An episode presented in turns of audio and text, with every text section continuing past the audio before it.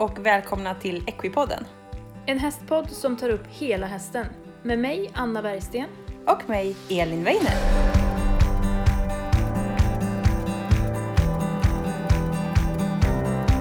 Hej på er och välkomna till veckans avsnitt av Equipodden.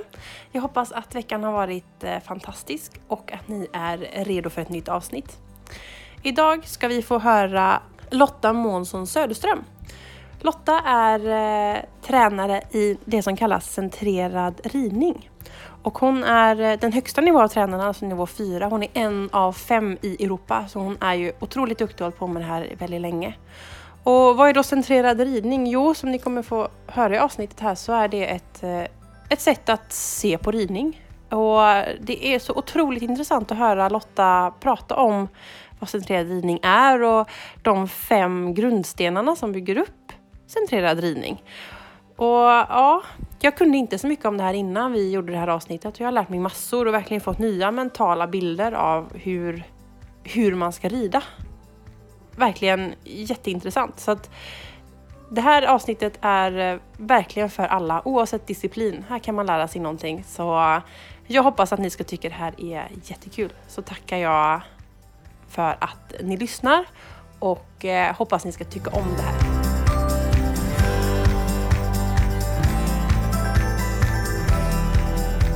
Så, då vill jag hälsa Lotta Månsson Söderström välkommen. Hej!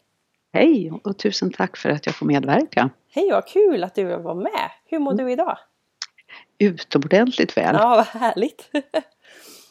Trots att det är, vi sa precis innan vi satte på inspelning här att november kan vara lite tråkig månad. Men trots Mm. det mår du alltså väldigt bra. Det är skönt att höra. Ja, eh, som, som ridinstruktör så kan man ju åtminstone, eller automatiskt så nyttjar man ju faktiskt de få ljustimmar som finns på gott och ont. Så det är ju faktiskt ute. Ja, det är väldigt bra. Mm. Och, och du Lotta, du är ju tränare i centrerad ridning. Ja, det stämmer.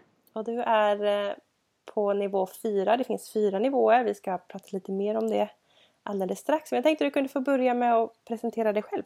Ja, det gör jag gärna. Jag heter som sagt var Lotta Månsson Söderström och jag är bosatt i Stockholm. Någon ska ju vara det också. Och eh, jag har varit instruktör i väldigt många år men jag har varit serieinstruktör sedan 1992 så det är ju rätt många år det också nu. Mm. Och jag kom i kontakt med den person som grundade centrerad ridning. Hon heter Sally Swift, en amerikansk dam som dessvärre inte finns med oss längre. Hon hade ett mycket långt och rikt liv så att kan inte klaga över det även om vi saknar henne. Mm. Och eh, det var egentligen så att jag fick hennes första handbok utav en elev till mig. Ja. Eh, Och eh, läste den där boken från perm till perm och det måste då ha varit 1991. Mm. Och den eh, boken var, var ju på många sätt intressant och faktiskt banebrytande i sitt sätt att beskriva ridundervisning och Mm. påminde väldigt mycket om det sätt som jag kanske redan undervisade på helt enkelt därför att ja, man, man utgår på något sätt ifrån sin egen inlärning när man lär ut. Mm. Så att eh, det som var originellt med boken det var ju hennes väldigt rika bildspråk. Mm.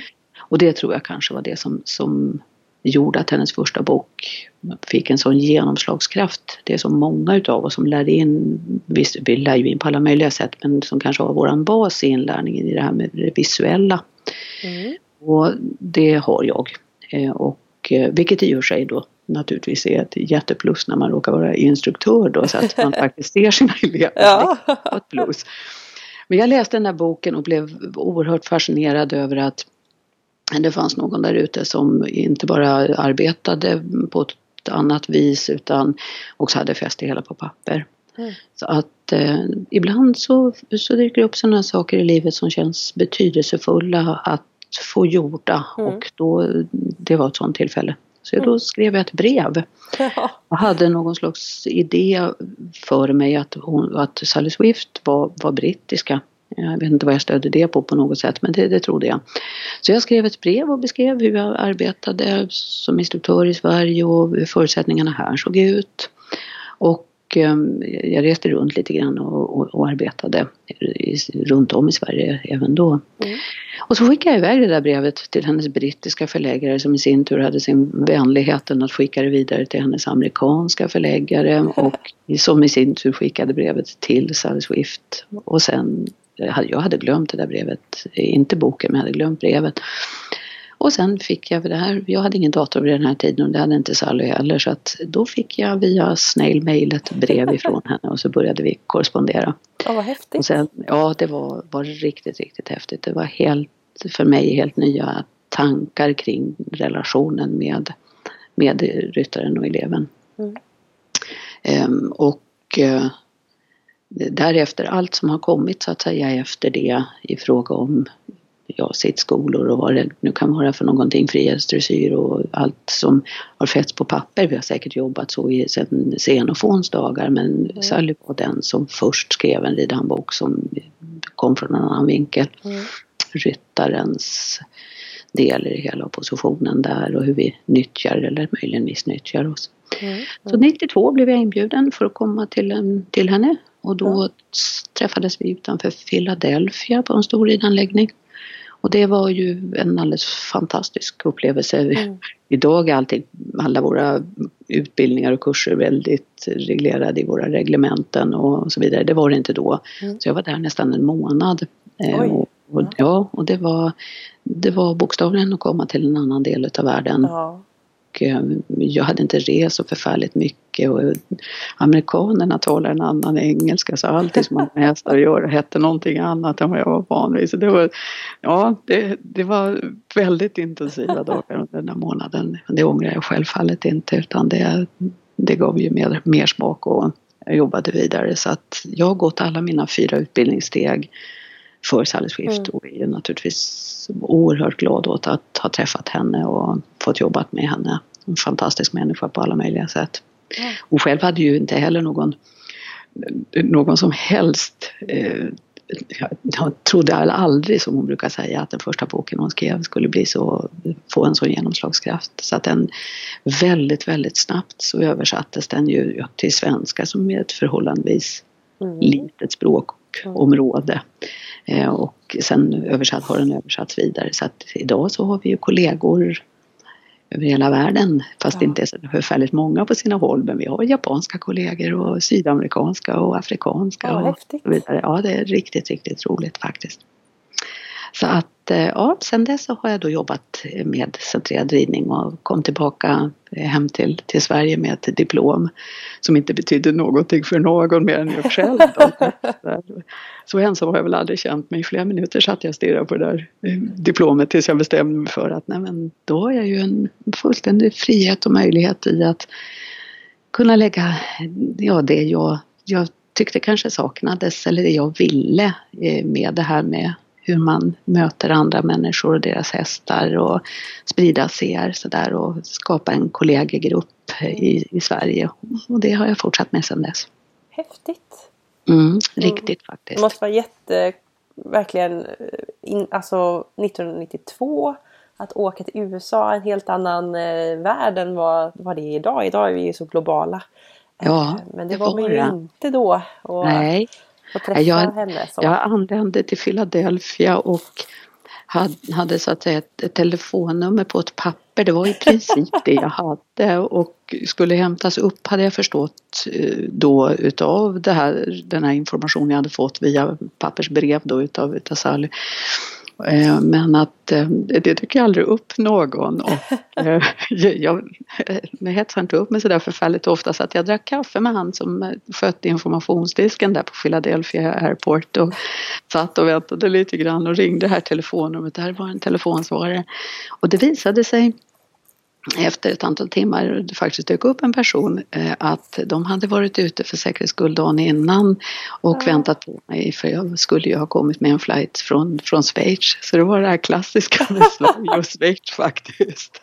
Men det ordnade sig det också. Ja. Eh, Och jag fick eh, ju då glädjen att dricka mina första koppar amerikansk kaffe. Det hade jag kanske kunnat levt utan.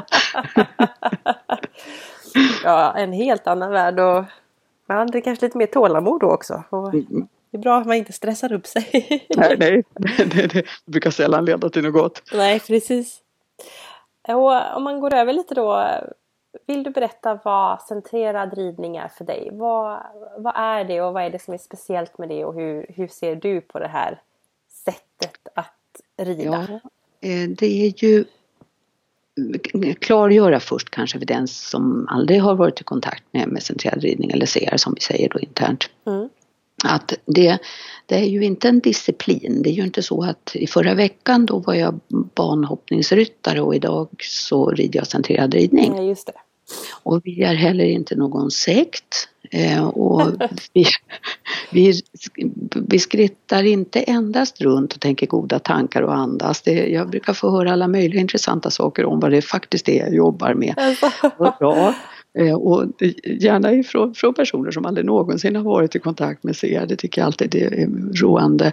Mm. och när någon säger att vi skrittar runt och tänker goda tankar och andas, då brukar jag säga ja, det, det gör vi. Eh, för det tycker jag är jättebra. Andas är en bra grej och tänka goda tankar också. Mm. Mm. Men det är inte endast det vi gör, utan ser här ett pedagog, en pedagogisk modell för hur man lär ut och hur man lär in ridning utifrån ryttarens perspektiv. Och det, där kan det också möta upp lite frågor kring att varför lämna, utelämnar ni liksom hästarna och håller sånt fokus på ryttaren? Men vi kommer bara ur den vinkeln för hästens skull. Mm. Så att det är inte så att vi utelämnar hästen på något sätt utan vi utgår ifrån att jag och ryttaren har ju många gånger ett gemensamt språk. Vi kan diskutera och samtala. Mm. Jag kan försöka utröna vem har jag framför mig? Skulle jag kunna skräddarsy med de här instrumenten i CR en undervisning som faktiskt passar just den här personen? Så att man känner att man lyckas i sin ridning. Mm. Ibland så kan man ju, jag talar utav egen erfarenhet, men ibland så kan man ju känna att man inte är ah, det var inte så bra när jag gjorde det där, jag klarade inte det, alla andra klarade det där, det gjorde inte jag. Det är ju sällan tror jag som vi kanske är fostrade i andan att tänka den där ridläraren, hon var verkligen inte, eller han var verkligen inte någon god pedagog i och med att jag inte lyckades med mitt värv. Mm. Utan ofta så blir det den här, så säga, den nedåtgående spiralen att man tycker att man inte lyckas så väl. Och där fann jag i CR instrument både för den som just lär in genom de här bilderna, genom ögat, genom att härma och, och titta och också instrument för den som känner. Det ingår ju delar i CR där ja, Alexander-teknik är en av de delar som Sally Swift så att säga, skrev in i, i sin pedagogik och det betyder att vi alltså med elevens godkännande självfallet också kan lägga händerna på, på vederbörande och bistå ryttaren i och vägleda den att det här skulle vara en, en, en väg för balans för din fot eller ditt ben eller vad det kan vara. Och sen självfallet den som tar till sig undervisning via, via örat, den måste ju också kunna, det finns ju de som faktiskt kan stödja sig på det här med eh, diagonalsluta i vänster galopp för mm. höger skänkel från bokstaven dittan dattan. Men de är färre än vad man kanske tror. Mm. Mm. Så att kombinationen utav de där olika instrumenten gör att vi får en, en, en rätt så välfylld verktygslåda. Mm. Eh, och då skapas ju, om man använder de där verktygen och lägger sig vinn om att, att uh, försöka notera den man har framför sig, så innebär det att man faktiskt kan skapa en arbetsmiljö för, även för sig själv som gör att man känner sig ja, det är inte så att man jublar omkring i ösregnet hela dagarna men man kan åtminstone när man summerar sin dag känna sig skapligt nöjd mm. med sina resultat. Och det tror jag är väldigt viktigt även för eleven att man mm. har en instruktör som, som fortsatt tycker att det är trevligt och intressant att träffas. Ja, verkligen. Ja, det låter lite själv, självskrivet, inte sant? Men det, det, både du och jag kanske vet att det inte alltid är så som, mm. som det ser ut. Nej, precis. Så, ja, där, så är det. ja, ja, möjligen. Så att instrumenten som CR så att säga, man tillhandahar i CR de använder vi, försöker vi, inte alltid man lyckas men de försöker man att använda först på, eller för sig själv för att sen då kunna sprida det till eleven. Och det, då får man ju en direkt bekräftelse för att de också fungerar på något sätt. Va? Ja, verkligen. Mm. Var det ett svar som, mm. som klargjorde något? Ja, men det tror jag. Vi kommer ju prata mer också så, här, så jag hoppas att det blir ännu tydligare för alla lyssnare vad, vad CR egentligen är. Och det är ju Absolut. häftigt det här med att det är ett komplement och att det är användbart för alla oavsett discipliner. Att man kan att det handlar så mycket om att bli medveten om sig själv. Eh, mm. Och få hästen bli medveten om, om sig och så får ryttaren lösa sina problem. Och eh, liksom det här med kroppen och man vet ju själv att man kan vara lite stel åt ett håll eller eh, att man spänner sig lätt och blir lite sned. Att man blir medveten om sig själv. Mm. Alldeles riktigt. Mm. Det, det är ju Självfallet så är det ju så att det, det är ju ingen utav oss som är rak. Det är alltså vi, det, vi har till exempel som jag brukar säga bara en lever och den är inte mittplacerad så vi är ett blåst kors redan från början. Ja. Det, det, det är inte riktigt det det handlar om utan det handlar verkligen om att hitta, att kunna vägleda någon till att hitta instrument som de kan göra till sina och, mm. och, och, och därmed också avläsa att Nej, men nu fick jag ett lättsammare eller ett ledigare eller ett, ett mer lyckat resultat av det här. Intressant. Mm. Och grunden i centrerad ridning eller CR det är fem stycken grundstenar. Eller ja. Och jag tänkte att vi kunde prata lite om dem och gå in på dem. Och jag har också förstått att de inte har någon inbördes ordning utan alla är lika viktiga och att man jobbar lite samtidigt med alla. Eller hur? Ja, det är alldeles riktigt. Även om jag måste väl ändå hålla med på något sätt, så, eller hålla med, det är väl ändå på det sättet att andning ligger mig ju otroligt mm. varmt om hjärtat. Mm. Man lever så förfärligt kort liv om man slutar så att ja. det, det, är klart att varför inte börja med den då? ja men eller hur. Att, ja, så andningen, andningen är en av grundstenarna och eh, det är både andningen som som avspänning för kroppen. Vi använder väldigt lite uttrycket avslappning för det mm. kan leda tankarna och även så att säga, hur vi reagerar på att vi tappar, tappar alldeles styrseln. Mm. Avslappning kan bli lite sådär som man är som en amöba på något sätt. Ja. Så att andningen kan ju användas både för att spänna av i både muskulatur och, och syresätta blodet naturligtvis och så mm. vidare kan också använda andningen för att eh, få, få, större kraft, mm. samla energi och sådana saker. Så att det, det finns alla möjliga andningstekniker mm. och vi arbetar väldigt mycket med just olika andningstekniker. Mm. En del utav, utav eh, mina CR-kollegor är ju också eh, sjukgymnaster, mm. fysioterapeuter heter det numera men trots allt. Och har ju andra utbildningar vid sidan utav CR och är väldigt specialiserade på, på till exempel andning. Mm. De, de arbetar ju, har fantastiska övningar för det här med hur vi andas, när vi andas och så vidare. Så mm. det är en av grundstenarna. Mm. Och nära till hands ligger ju då att gå vidare och tänka kanske på det här med vad är centrering? Och idag så, så tror jag att de flesta utav oss ändå har någon slags idé om, om hur man är när man är centrerad. Och det, det, det är väl knappast så att när jag åkte över till USA första gången så, så när jag tänkte på ordet centrerad då tänkte jag att man skrev texten mitt på ett papper. Ja, just det. Centrerad text. Det var ungefär så som jag använde ordet.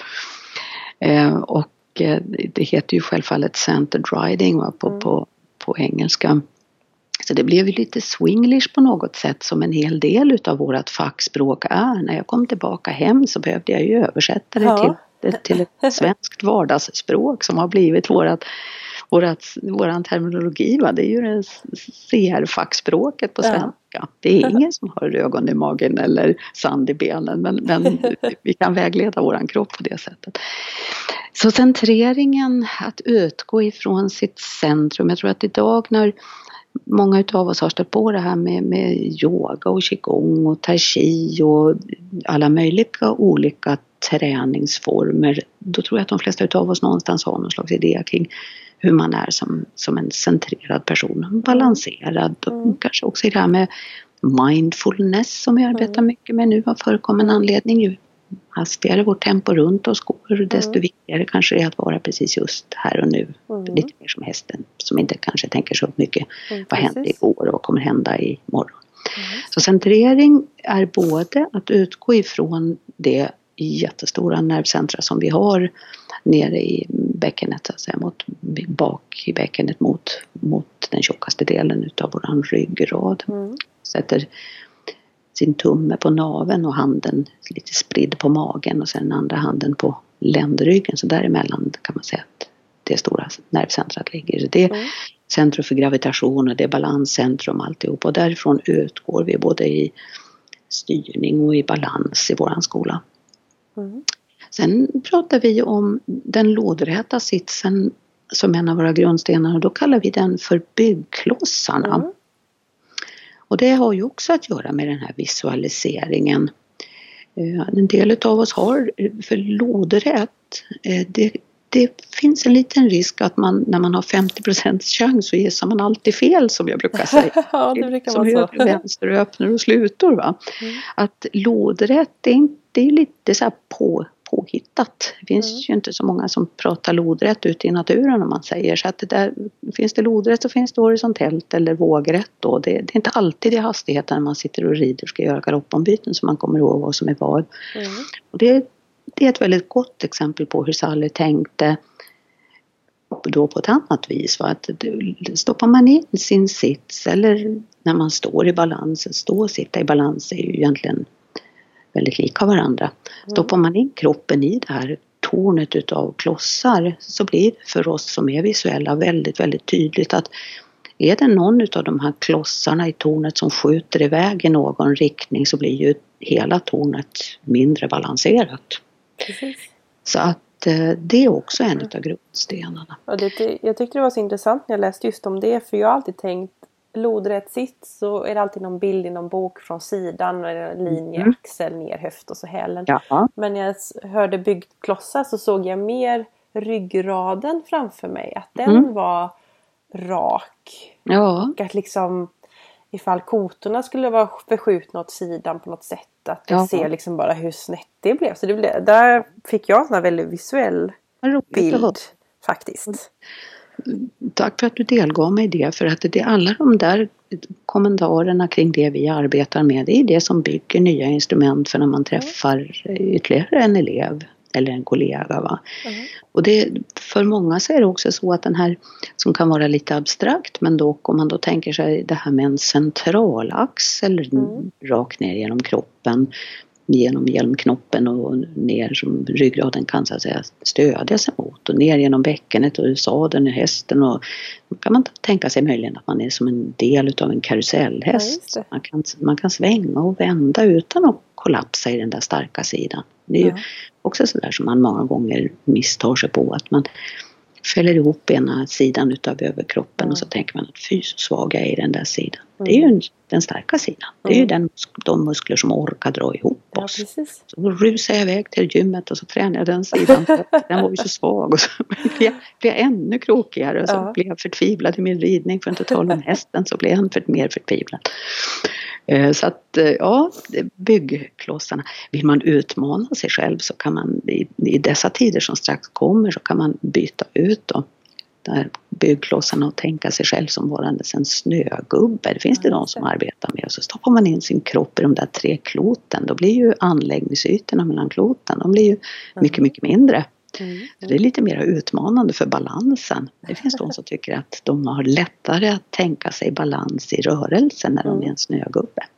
Så det finns ingen begränsning. Det är fantastiskt med fantasi. Det finns liksom ingen begränsning där. Det finns inget rätt eller fel. Och Det är väldigt uppfriskande. Mm. Väldigt uppfriskande. Mm. Tänka sig iväg från rätt och fel. Det är lättare sagt än gjort men man kan, kan tänka sig så. Mm. Eh, möjligen. Och sen har vi det här med ögonen. Mm. Mjuka respektive hårda ögon. handlar ju om att vara vidsynt som jag tänker och då talar jag faktiskt inte endast om synfältet utan jag kanske tänker mig vidsynt i hjärta, tolerans och du vet de där mm. delarna tycker jag också kan vara viktigt att tänka. Och det är ju en av de här övningarna som, man, som vi använder när vi träffar någon för första gången. Det, det är väldigt lätt att notera för de flesta utav oss att man, om man stirrar väldigt hårt på en liten punkt, det kan vara hästens man eller de egna händerna eller vad, vad det nu kan vara för någonting. Och så noterar man sin egen kropp och kanske också hästens reaktion och sen försöker man tänka sig att jag ska försöka ta in mycket av manegen istället eller ridpaddocken och vidga seendet och så noterar man vad, hur reagerar kroppen med det. Blir jag mm. mindre spänd och kommer andningen, får andningen större flöde och sådana saker. Och det är, jag är inte säker på att hästen reagerar precis på det vi gör med ögat men följdeffekterna utav vad ögat vägleder mm. det tror jag hästen reagerar väldigt mycket på. Mm. Så det var ju de fyra grundstenarna som Sally presenterade i sin första bok som hette Ett med hästen. Och sen jobbade hon vidare hon var, jag pratade, när jag pratade med henne kring julen och gick bort på våren efter så talade hon om sin andra bok. Hon talade alltså inte om sin sista bok utan sin senaste, sin andra bok. Så underbar inställning till livet och hon är ja. över 90 år. Oj, ja, häftigt. Och då, då sa hon att, nej vet du, sa hon till mig, jag, eh, när hon började arbeta på, på bok nummer två, sa det inte bara till mig utan en grupp utav nivå fyra tränare som då finns i en kommitté. Jag har tänkt att lägga till en, en grundsten. Mm. Halva gruppen ropade rätt ut. Nej, det kan du inte göra. Du har sagt att man behöver bara stödja sig på fyra instrument så kommer man kunna rida. Då kan vi inte lägga till någonting. jo, men allt utvecklas, sa hon då. Och så kom hon på det här med, eller att la hon till det här med jordningen. Mm. Utkomsten utav de fyra grundstenarna när man andas och sitter så att säga, i sitt byggklossetorn och man kommer, utgår ifrån centreringen och ögonen är mjuka. Då skulle man kunna dra nytta utav jordens, jordens dragningskraft. Det låter riktigt mm. hokus pokus. Men just cirkulationen kan skapa en, en, en stabilitet för, för foten i stigbygeln så att om hästen skulle bli lite yster och hoppa och skutta så skulle, skulle jordens dragningskraft kunna göra att, mm. att man landar på, på rätt köl hela tiden. Mm. Och, och, det skulle då vara jordningen. Men sen i det samtal som sagt som dessvärre blev vårt sista, då sa hon så här att Vet du Lotta, sa hon att om jag skulle jag skulle skriva den första boken idag, då skulle jag lägga till ytterligare en grundsten. Mm. Yes, sa jag, vad skulle det vara? Jo, det skulle vara clear intent som hon sa, alltså den klara intentionen.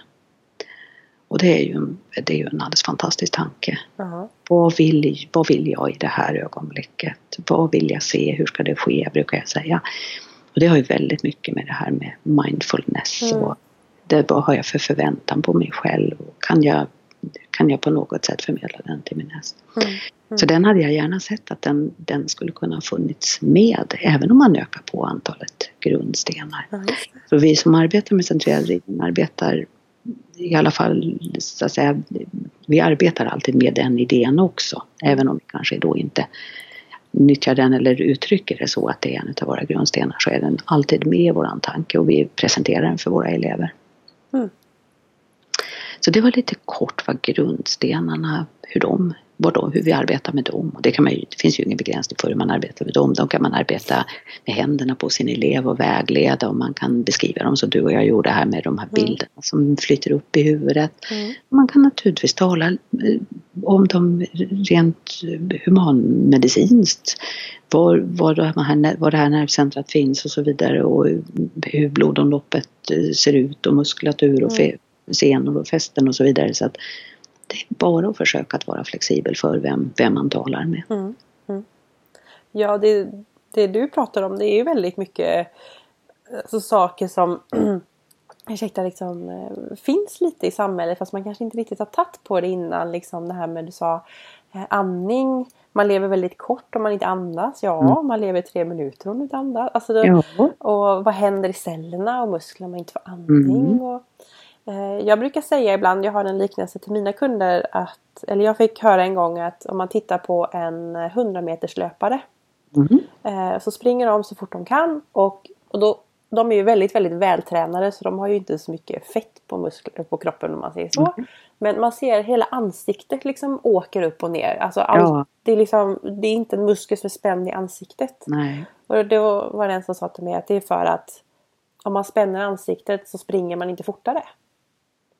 Och den brukar jag ta med mig och säga till mina kunder ibland att man måste lära sig vilka muskler som ska användas i vilka moment. Och det måste hästen också lära sig. När den gör en viss Definitivt. rörelse så måste den veta att okej, jag ska göra en skänkelvikning, då ska jag göra så här och så här med min Mm. kropp.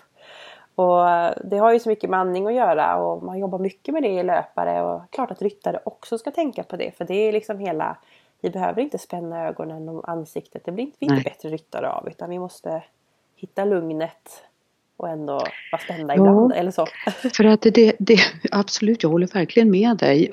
Det är ju det, är ju det här att vi det, det första som måste på något sätt ske eh, många gånger det är ju att bli en spegel eller en, en, så att säga, en, en sändare för, för eleven att notera vad, vad vi verkligen gör. Alltså inte vad vi tror att vi gör. Mm. För, för, alltså det är det första och sen får man hantera det som, som flyter upp då så att säga. Jag är fortfarande ridlärare, jag är liksom inte psykolog eller någonting sånt utan då, då, då diskuterar vi kring det. Vad, vi, vad vinner vi på att, att, vinner vi på att förändra det här? Det, måste finnas en vilja från, från ryttaren så att säga att nej, men jag trivs med att mm, endast rida vänster galopp. Jag, Mm. Kalas, det står ju var och en fritt. Eh, och sen får man försöka då hitta instrument som är ryttarens. Vad behövs det både mentalt och fysiskt för att genomföra då en högre galopp? Mm. Om man bestämmer sig för att ja, men det kanske kan vara trevligt att rida och galopp i alla möjliga varv. eh, och, så, och så går man vidare där. Va? Eh, det som många gånger är, tycker jag är utmanande som instruktör det är ju också det här att tog ett så strålande exempel där med den här 100 meters löparen. Va? Mm. Det, det skulle ju aldrig föresväva oss att den personen i samma kropp också skulle vara en framstående maratonlöpare. Men för Mm. våra hästar så är det väldigt ofta så att vi, kanske inte på elitnivå, men för oss vanliga hobbyryttare, Ja. att vi tänker oss att de ska kunna vara, hästarna ska kunna vara både bodybuilders och balettdansörer i samma kropp. Eh, gärna utan att vi sj- själv så att säga, är, ett, är särskilt medverkande i det Ja, hela. ja. Eh, och, och där försöker vi väldigt ofta gå in och ta oss en funderare på, inte för att se begränsningarna utan för att möjliggöra för våra, får jag uttrycka mig lite illa, våra vanliga hästar Mm. att ha en chans till Mm. att kunna genomföra det som ryttaren vill. Och då måste man ju förstås börja med det. Vad vill vi med våran ridning? Och den här kompisen jag har, fyrbenta, hur ska vi kunna få henne eller honom till att vara med Mm. på den planen?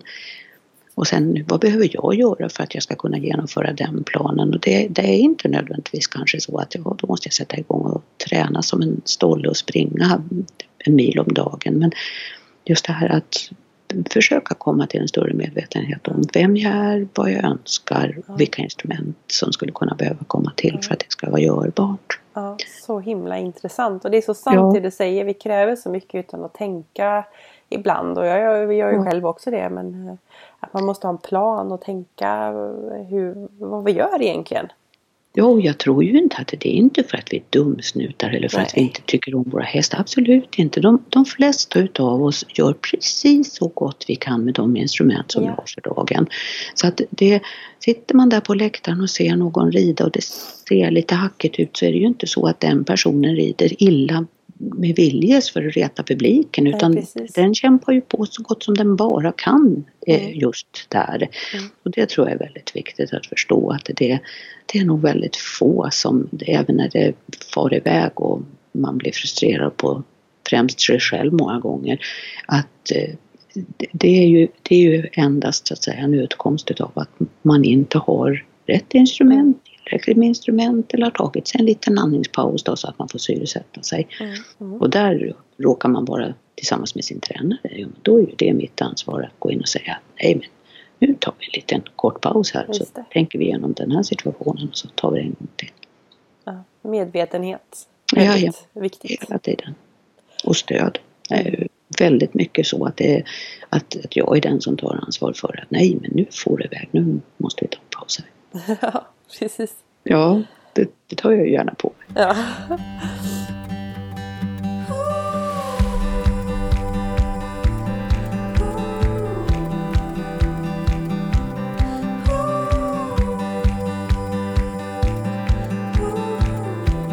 Då tänkte jag gå vidare lite grann och fråga dig hur, hur en träning ser ut när man tränar centrerad ridning. För jag har förstått mm. att man gör mycket både uppsuttet och avsuttet. Ja, det är sant. Och det, för när man hör oss när vi håller en lektion då, då kan vi naturligtvis, i och med att vi är väldigt illustrativa, så, så kan vi ju låta väldigt lustiga. Vi, vi har väldigt mycket liknelser och bilder och hejsan och svejsan. Eh, och det är jag väl medveten om. Eh, men det är också så att det finns kanske fortsatt en skillnad på det sättet vi undervisar och det man fortsatt gängse gör. Mm. Eh, om generaliserar jag grovt som du förstår. Men det är just det här med de, med de avsuttna övningarna. De, det finns ingen CR-instruktör i Sverige som inte har fått med sig i sin grundutbildning övningar för ryttaren som ska vara omedelbart överförbara på ridning. Mm. Så att det är inte när vi arbetar till exempel på en trapett för att utröna de olika gångarterna och rytmen och takten och hur vi, hur vi har lätt att vända eller inte och så vidare. Så skulle ju det endast vara kul studsmattegymnastik om det inte var så att det också gick att, så att säga, tolka över det direkt eller överföra det direkt till ridningen.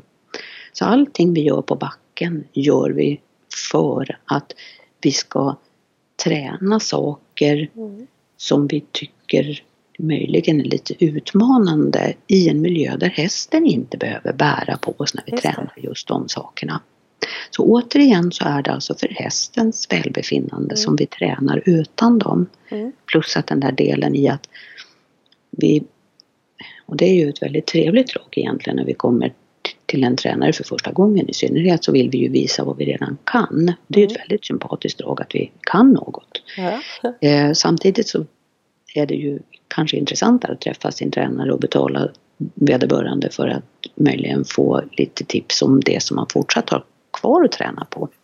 Precis. Och det, det tycker jag att de, de avsuttna övningarna, de, de, där, det är ett fantastiskt instrument.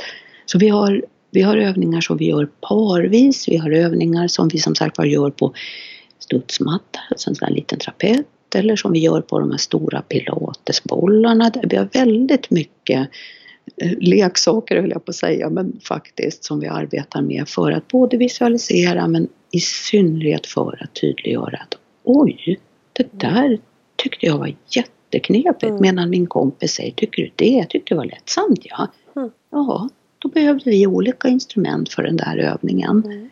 Och sen kan man ju ledigt ta de där övningarna med sig hem och plötsligt så blir man mycket, mycket mer involverad och engagerad i sin egen träning. Mm. Man får mer att jobba med när man, inte jobba i bemärkelsen huvudvärk utan mera inspiration när man går ut och rider därför att det här gjorde ju jag framför spegeln i morse. Borstade tänderna och stod på ett ben, hade halva ansiktet i badrumsspegeln skuttade jag omkring ute i hallen med tandborsten när jag gjorde det eller höll jag balansen? Var det samma när jag borstade underkäken och stod på den andra foten på ett ben? Sånt kan vi hålla på med. Vilket ben stoppar jag i byxorna först i morse? Mm. Var det samma som jag alltid stoppar i byxorna först? Och det är sånt där som inte kräver ett gymkort och det är inget som kräver att man måste göra saker i grupp utan man behöver bara tänka till lite innan man gör det. Och det passar mig perfekt. Ja, medvetenhet. Det ska vara lite enkelt. Ja, för då gör man det. Ja, precis. Mm. precis.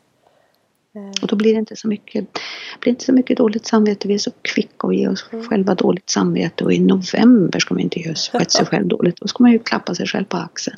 Precis. För att man faktiskt gick med vänsterfoten före uppför trappen. Mm. Mm.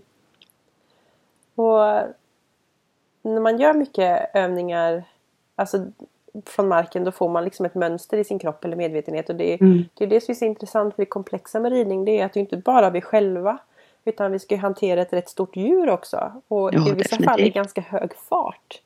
ja. Eh, och då ska man liksom ha koll på hela sin kropp samtidigt som hästen liksom, det blir lite skumpigt. Och så, nej. Mm. så att, har man koll från marken så känns det som väldigt, man har mycket gratis när man kommer upp på ryggen sen.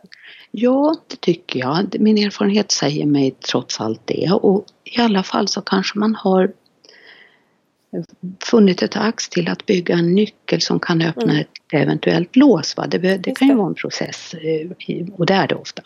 Men också det här med att kunna möjligen utröna var det jag eller var det hästen Mm, eller var det vi tillsammans? För det är också ett sånt där, liten, ett sånt där litet felsökningsschema om man får uttrycka sig lite illa som, som vi många gånger brottas med. Mm. Hästen var sned, Mm. så den var sned, jag Mm. var sned. Ja, eh, vad börjar och vad, hur, hur möter man det? Just Och det tycker jag är så skönt att kunna göra utan att hästen behöver vara på plats. Mm. För det är precis som du säger, det är, skulle jag leda runt dig på din häst i 10 minuter i skritt så då, man kan ju naturligtvis mäta och väga allt men det var någon som hade mätt och uppmätt att det då startar ungefär 1500 muskelrörelser i den mänskliga, mänskliga Oj. kroppen. Ja, det tycker jag också. Ingen annan sport är alltså så cirkulerande. Mm. Så den som arbetar med terapeutisk ridning, om man har tänkt på det så är, sker ju det väldigt ofta i skritt. Mm. Och jag tror att utan att man kanske hinner tänka hela tanken klart så, så är det lätt att man tolkar in att den som, som har en funktionsutmaning och sitter till häst, att den skrittar för annars så skulle den, skulle den trava så skulle den personen ramla av. Men det är inte alltid så utan egentligen så är det för att skritten är betydligt mycket mer terapeutisk för Mm. oss Mm. än de andra gångarterna. Sen kommer ju sådana saker som mod och, och sådana saker in när man ska rida fort. Ehm, Men ehm, att, att kunna utröna rörelsen som hästen ger mig, kunna känna igen den i den egna kroppen och sen när man vill att hästen ska följa sig i en rörelse så att säga härma den och hästen utan att vara mänsklig så säger hästen aha, det här påminner om skritt, det kan ju Mm. jag. Mm. Det är fyrtakt och det är rytmiskt och har man då fem gångarter att rida i, vilket Ja. en del envisas med att göra, då är det väldigt mycket såklart att Mm. renodla i den mänskliga kroppen. Mm. Så det är ju en väldig utmaning. Mm. Jätteroligt att, att arbeta med gångartsryttare. Mm. Väldigt, väldigt roligt. Där har vi CR-instruktörer väldigt mycket att göra och gör. Så det finns väldigt många CR-kollegor som arbetar och rider också islandshäst. Just Både hemma i Sverige och när jag är ute i världen och jobbar. Ah, vad häftigt. Mm. Eh, när man sen då kommer lite mer och gör uppsutten träning, hur ser ett sånt träningspass ut? Det är ju lika individuellt som skonummer. Mm. Det beror ju lite grann på om du tänker dig när jag träffar mina elever som kanske har ridit för mig i 30 år Mm. så provar vi inte om vi har våra mjuka hårda ögon med oss. Nej, Eh, det, för det är ju så här att delvis så är skolan i sin, eller pedagogiken i sin natur sån att jag ger dig instrument som du klargör för mig Mm. att de är dina eller du har gjort dem till dina. Och det klargör du genom att visa att du behärskar dem när du rider och så vidare. Mm. Och det innebär många gånger att de ryttare som har ridit väldigt länge för mig, ja de, eh, de har ju själv funnit så att säga genom, genom den resan ett sätt att värma upp sig, gå igenom sina kardinalpunkter i kroppen, vilka Mm. instrument använder de? Och då flyter vi ju väldigt raskt in på vidareutbildningen utav hästen för då är ryttaren i egen behärskning Mm. över, över kroppen. Men initiellt om man tänker sig att man träffar en person för första gången som aldrig någonsin har hört talas om CR eh, då är det väldigt, väldigt grundläggande. Först kanske personen kommer och så säger de ja, jag- jag rider Grand Prix-dressyr. Då är det ju det första jag måste göra, det är ju att se den här ryttaren, i och med att jag är sent, då måste jag se den här ryttaren rida sin häst lite grann för att Mm. kunna avgöra om hon och jag ser på Grand Prix på samma sätt. Just det. Annars så talar vi ju förbi varandra. Mm. Och så kanske det visar sig att jo då, det gör vi. Då kan jag ju ställa henne frågan om jag inte har noterat det själv. eh, Att eh, är det någonting särskilt som du har, har noterat som du också kan relatera till din egen användning utav kroppen, din egen sits Mm. som du skulle vilja jobba lite extra med. Och det är ju ofta så när man, man rider på den nivån utav Mm. krumelurer då, då har man rätt så schysst koll på vad det är för någonting som hästen har svårt att genomföra. Ja. Så då brukar det låta så här att jag, jag tycker att han är, eh, när, när han gör ett galoppombyte ifrån höger till vänster så har jag ett sånt härligt flyt men när vi växlar över åt andra hållet så då är det lite mera knackigt. Mm. Ja, och då är, går vi direkt till ryttaren och så tittar vi på eh, vad är det ryttaren gör i det ögonblicket. Då kan det vara, det kan vara verkligen detaljer. Kanske Ja. är så att hon står på vänstersidans, yttersidan på vänster sida på bägge fötterna hela tiden i stigbygeln. Ja, då kan det begränsa rotationer och sådana saker inom Ja. kroppen. Så då går man tillbaka till grundstenarna och presenterar dem. Även för en person som behärskar galoppombyten i varje språng eller som när jag haft glädjen att jobba med världsmästarna i passridning nere i Tyskland. Ja. Jag åker ju inte ner för att lära dem att rida pass, det kan de redan. Vad jag åker ner och lär dem är ju hur de ska nyttja sin kropp Ja, bättre just så de kan rida ännu fortare. Ja, precis. Och det kan jag lära dem. Vad intressant. Ja, det är lite annan infallsvinkel va. Det är Mm. det som är den stora skillnaden. Det är inte en massa rätt eller fel utan det har att göra helt och hållet med att vi, vi specialiserar oss på vad gör ryttaren i det här ögonblicket? Vad använder hon eller han för instrument? Skulle vi behöva slipa till dem lite i en annan riktning? Mm. Hästen kan oftast de flesta rörelser oavsett vilken ras eller färg eller form Mm. de har. Det är ju det är bara att de kan vara avlade för lite olika saker så att det Ja, ser, lite, ser lite annorlunda ut när ardendrarna piafferar med, än vad det gör kanske med halvbloden. Men alla kan, alla kan trava på stället. Ja, men precis. Ja. Men om man då, alltså du pratar mycket om eh, ja, lite dressyr här och så lite islandshästar. Är, Mm. är det något olika när du möter olika discipliner eller jag tänker hoppning över hinder är väldigt skillnad mot eh, att rida i en passage. Eh, sitsmässigt, är det någon skillnad i hur du möter och jobbar eller är det samma arbete oavsett disciplin? Grundarbetet är alltid detsamma. Mm. Att hur nyttjar den här ryttaren sin kropp? Eh, när hon står, när hon går, när hon växlar gångart. Där, där börjar man alltid. Mm. Och eh, för att vi, vi, vi arbetar efter en idé att hästens kropp speglar ryttaren och ryttaren speglar hästens kropp Mm. ända in i detalj. Och det är ingenting nytt på något sätt. Det, utan det, det, det är ett jättebra instrument att använda man jobbar uppe, utomhus uppe i Norrland i svensk vinter och ryttaren iklädd en jättestor skoteroverall så kan det vara kalasbra att se att okej den där hästen den rör sig med ett väldigt styvt vänster, vänsterben. Kanske är det ett lite styvt skänkel där inne den där jättestora skoteroverallen också. Så adresserar man det och så visar det sig att hästen kunde böja på det där benet.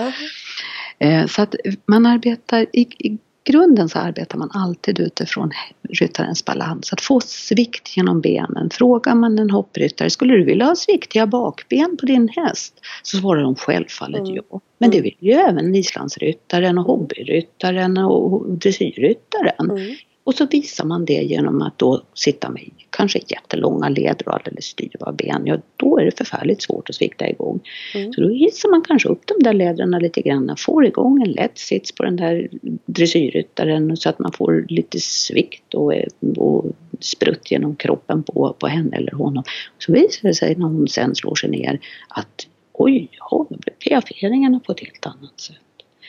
Och naturligtvis balansen över hindren för, för hoppryttaren eller hur nyttjar jag min kropp när jag rider? envisas med att rida 16 mil som en del utav, utav våra distansryttare rider. Va? Ja. Jag kan, det finns ju hur man nu kan få för sig det. Jag kan tycka att det är tröttsamt att köra bil 16 Ja.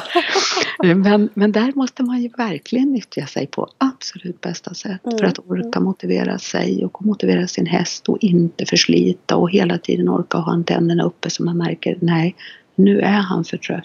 Nu, nu måste jag sitta av och springa bredvid honom eller nu kanske i nästa veterinärgrind att det faktiskt är så att jag ska bryta. Mm. Så att eh, ja, vi arbetar med, med ryttarens kropp väldigt likartat och sen går man in eh, i detaljerna på disciplinerna. Så en del utav mina kollegor som inte arbetar så mycket kanske med gångartshästar, de kan ju arbeta eh, väl med en ryttare under ett antal år och, och renodla de tre grundgångarterna tillsammans med ryttaren Mm. i ryttarens kropp. Mm. Och sen säger ryttarna, tänk så mycket bättre min tölt har blivit. Ja. Fast vi inte har arbetat någonting med tölten Ja, utan vi har arbetat med min medvetenhet. Ja. Vad intressant, vad mycket man kan göra med små medel hos sig själv. Ja, mycket mer än vad vi tror faktiskt. Och där ligger nog det här att det kan vara rätt så skönt att komma till sin tränare när det stressar på runt en och få lägga lite grann av sig själv i Mm. händerna på tränaren. Mm. Och, så. Och det är helt i sin ordning men då får man ju också då får man också vara nöjd med det resultat som man får av det. Va? Det. Och det kan, kan man ju vara, bara det inte går ut över hästen så att säga att jag bestämmer mig för att får jag uttrycka mig återigen lite illa. Om jag gör det lite bekvämt för mig, ja då blir ju kanske resultatet därefter också. Mm, mm, mm. Ja men så är det. Mm. Definitivt. Och om man då tycker att det här låter väldigt intressant och vill liksom påbörja lite träning i CR. Hur gör Mm. man då? Och för ni, ni har ett nätverk med tränare, eller hur? Det stämmer. Och jag är verkligen inte rätt person att tala om det här med Facebook för där, där finns ju inte jag. Och, och det gör ingenting därför att vi talar väldigt mycket i vi-form. Eh, Vi har en hemsida med för centrerad ridning i Sverige och där hittar man alla mina fantastiska kollegor. Och jag önskade att jag kunde säga att vi finns spridda över hela landet men det är inte riktigt så. Mm.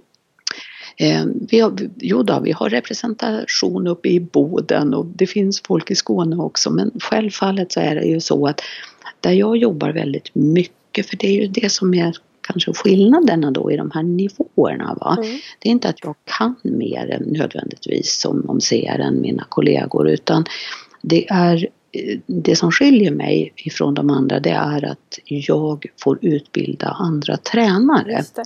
Och då innebär ju också det förstås att jag jobbar, vi är bara fem i Europa som är fyror. Och glädjande nog så är det väldig efterfrågan på våra kurser. Kul. Så att jag jobbar rätt mycket ute i Europa för man måste också uppdatera sig i den här skolan varannat år. Mm. Och eh, det innebär ju att vi, som, vi fem som, som arbetar som fyror, vi har skeppan full med mer eller mindre Mm. eh, med just att, att underhålla eh, och fortbilda kollegorna. Mm. Mm. Det betyder inte att jag inte håller ridlektioner för, eh, för vanliga ryttare, för det gör jag också. Men vi fördelar ut det lite grann på det sättet. Så att eh, man går in på hemsidan och tittar om det geografiskt kanske finns någon i ens Mm. område. Runt Stockholm finns det väldigt många, runt, runt eh, i- uppe i Uppland finns det också rätt många. Och det, det är inte så konstigt, jag jobbar runt en hel del där och Mm. jag finns i Norduppland varje sommar och håller utbildningar för, för nya och även eh, etablerade CR-kollegor. Mm. Eh, Så att där finns det, finns det också mycket kollegor runt om. Och då brukar det vara så att Ja, det, man, man söker kontakt via Facebook eller vår hemsida och då eh, arbetar vi ju väldigt, eh, så att säga, vi lägger upp vårt arbete lite olika så att en del börjar Mm. alltid med en träff som är avsutten. Mm. Man får känna lite grann på varandra och resonera med varandra och sen kör man lite ridning så att man sätter samman någon slags helg, helgkurs eller vad det kan vara för någonting. Mm. Medan andra omedelbums bjuder in till ridlektioner och så. Så att det kan man, kan man tala sig fram till med, Mm. med kollegan som man kommer i kontakt med. Och också kanske vad man önskar, om man skulle önska börja avslutet och sådär. Självklart. Och vad, vad heter den hemsidan? Ja du, det är väl en jättebra fråga men slår man på centrerad ridning så kommer man direkt till den. Precis. Jag lägger in en länk till det i poddbeskrivningen också, alla som lyssnar på det här. Så att ni Så kan av dig. hitta Det- in där. Vi- Det, det vill vi gärna för det, vi, vi brinner faktiskt allesamman i kollegekåren för att arbeta med det här. Så att det, det kommer att vara, om det är så att det här har väckt intresse på något sätt så är det så att man kommer att känna igen mycket av det jag talar om. Mm. Och också mitt förhållningssätt till, till hästar och ryttare även i mina kollegor. Så att drar er verkligen inte för att eh, kontakta någon av kollegorna. Det är jättebra att veta. Så, ja. Och det är så intressant. Jag, jag verkligen tycker det är intressant att det är ett komplement. Att man kan lägga till den här träningspedagogiken eller filosofin Mm. till det man redan gör för att skapa en medvetenhet hos sig själv. Jag tror väldigt starkt på att om jag ska förbättra mig själv så måste jag veta vad är mina svagheter? Om jag inte vet om vad mina svagheter är, då kan jag inte förbättra dem på något sätt. Och ännu viktigare att man också vet vad man faktiskt är bra på. Det är Precis. lika viktigt. Va? Ja. Jag håller verkligen med dig i det. Så att det, det, det, handlar, det, det handlar inte om, om något stålbad och man ska få veta, tryckas ner i skoskaften för Nej. att man är på sniskan. Utan det, det handlar, handlar verkligen om att tillskansa sig instrument som man Mm. kan använda sig av. Mm. För sin egen utveckling. Jajamän. Ja, jätte, Ja, jätteintressant. du vet, alla hästar spelar, spelar ingen roll vad man har för häst eller på vilken nivå man rider eller vad det kan vara för någonting. Man är, man är verkligen varmt välkommen. Så att Kul! det, ja, för ofta om man ändå tävlar och rider på en viss nivå då brukar det inte vara några större svårigheter att finna en tränare för sig. Mm. Mm. Men om man vill förkovra sig i sin balans för att man ska rida mer balanserat i tre gångarter ute i skog och mark sitter ute på i landsorten någonstans. Mm. Då kan det vara lite knepigare att hitta en, en tränare Mm, som är mm. riktigt hängiven. Verkligen, verkligen. Mm. Eh, Jag tänkte också passa på att fråga de här böckerna som är skrivna av Sally Swift. Den första Mm. hette Ett med Ett hästen. med hästen. Och vad heter den andra? Den heter centrerad ridning för då var vi så pass etablerade där i början av 2000-talet så att då fanns det så att säga ingen anledning att döpa om den till någonting. Det. Eh, Så att då visste, visste man lite grann, åtminstone en del av oss visste, det, det är faktiskt så att jag har utbildat ett par hundra instruktörer i Sverige. Det ser inte ut så på hemsidan men där finns de som så att säga är aktiva i organisationen. Mm. Eh, Så att det, vi är naturligtvis ingenting i jämförelse med, med vad Ridsportförbundet har, har utbildat men vi finns runt om i Sverige. Och det är två, de här böckerna, är det något du rekommenderar att man kan läsa? Ja, i allra högsta grad. Mm. Självfallet tycker jag det. I ettan så beskriver Sally sin filosofi kring det hela. Eh, och eh, den, där får man så att säga en insyn i hennes tänkande kring hela, hela det här förhållningssättet. I bok nummer två så tycker jag att man får väldigt mycket inspirerande övningar. Man kan använda den som en inspirationskälla. Och som vi pratade om i november, att inspireras och gå ut och bara ta en av övningarna och prova. Eller om det är riktigt jäkligt väder, varför inte prova en av övningarna som är gjorda för avsuttet bruk inomhus i värmen. Precis. Kan man gå ut och krama på sin häst efteråt. Ja, det är ju lite Mm. gottigt faktiskt. Ja, Man behöver sådana dagar ibland. ja det behöver man verkligen. Inte bara måste rida och träna Nej, utan nej. mysa är så viktigt. Ja, det är alldeles sant. Och om vi ändå kommer in lite grann på eh, det här med november och höst och Mm. vinter. Vi har en liten följetong i podden nu att vi frågar gäster om vad de gör för att hålla sin motivation uppe så här i eh, hösttider. Har du någonting speciellt som du gör för att hålla dig motiverad och glad även när det Mm. är kolsvart, eh, två plusgrader och ösregn? Ja, eh, för det första så måste man ju försöka att koppla på sin egen inre sol som jag brukar Ja. säga.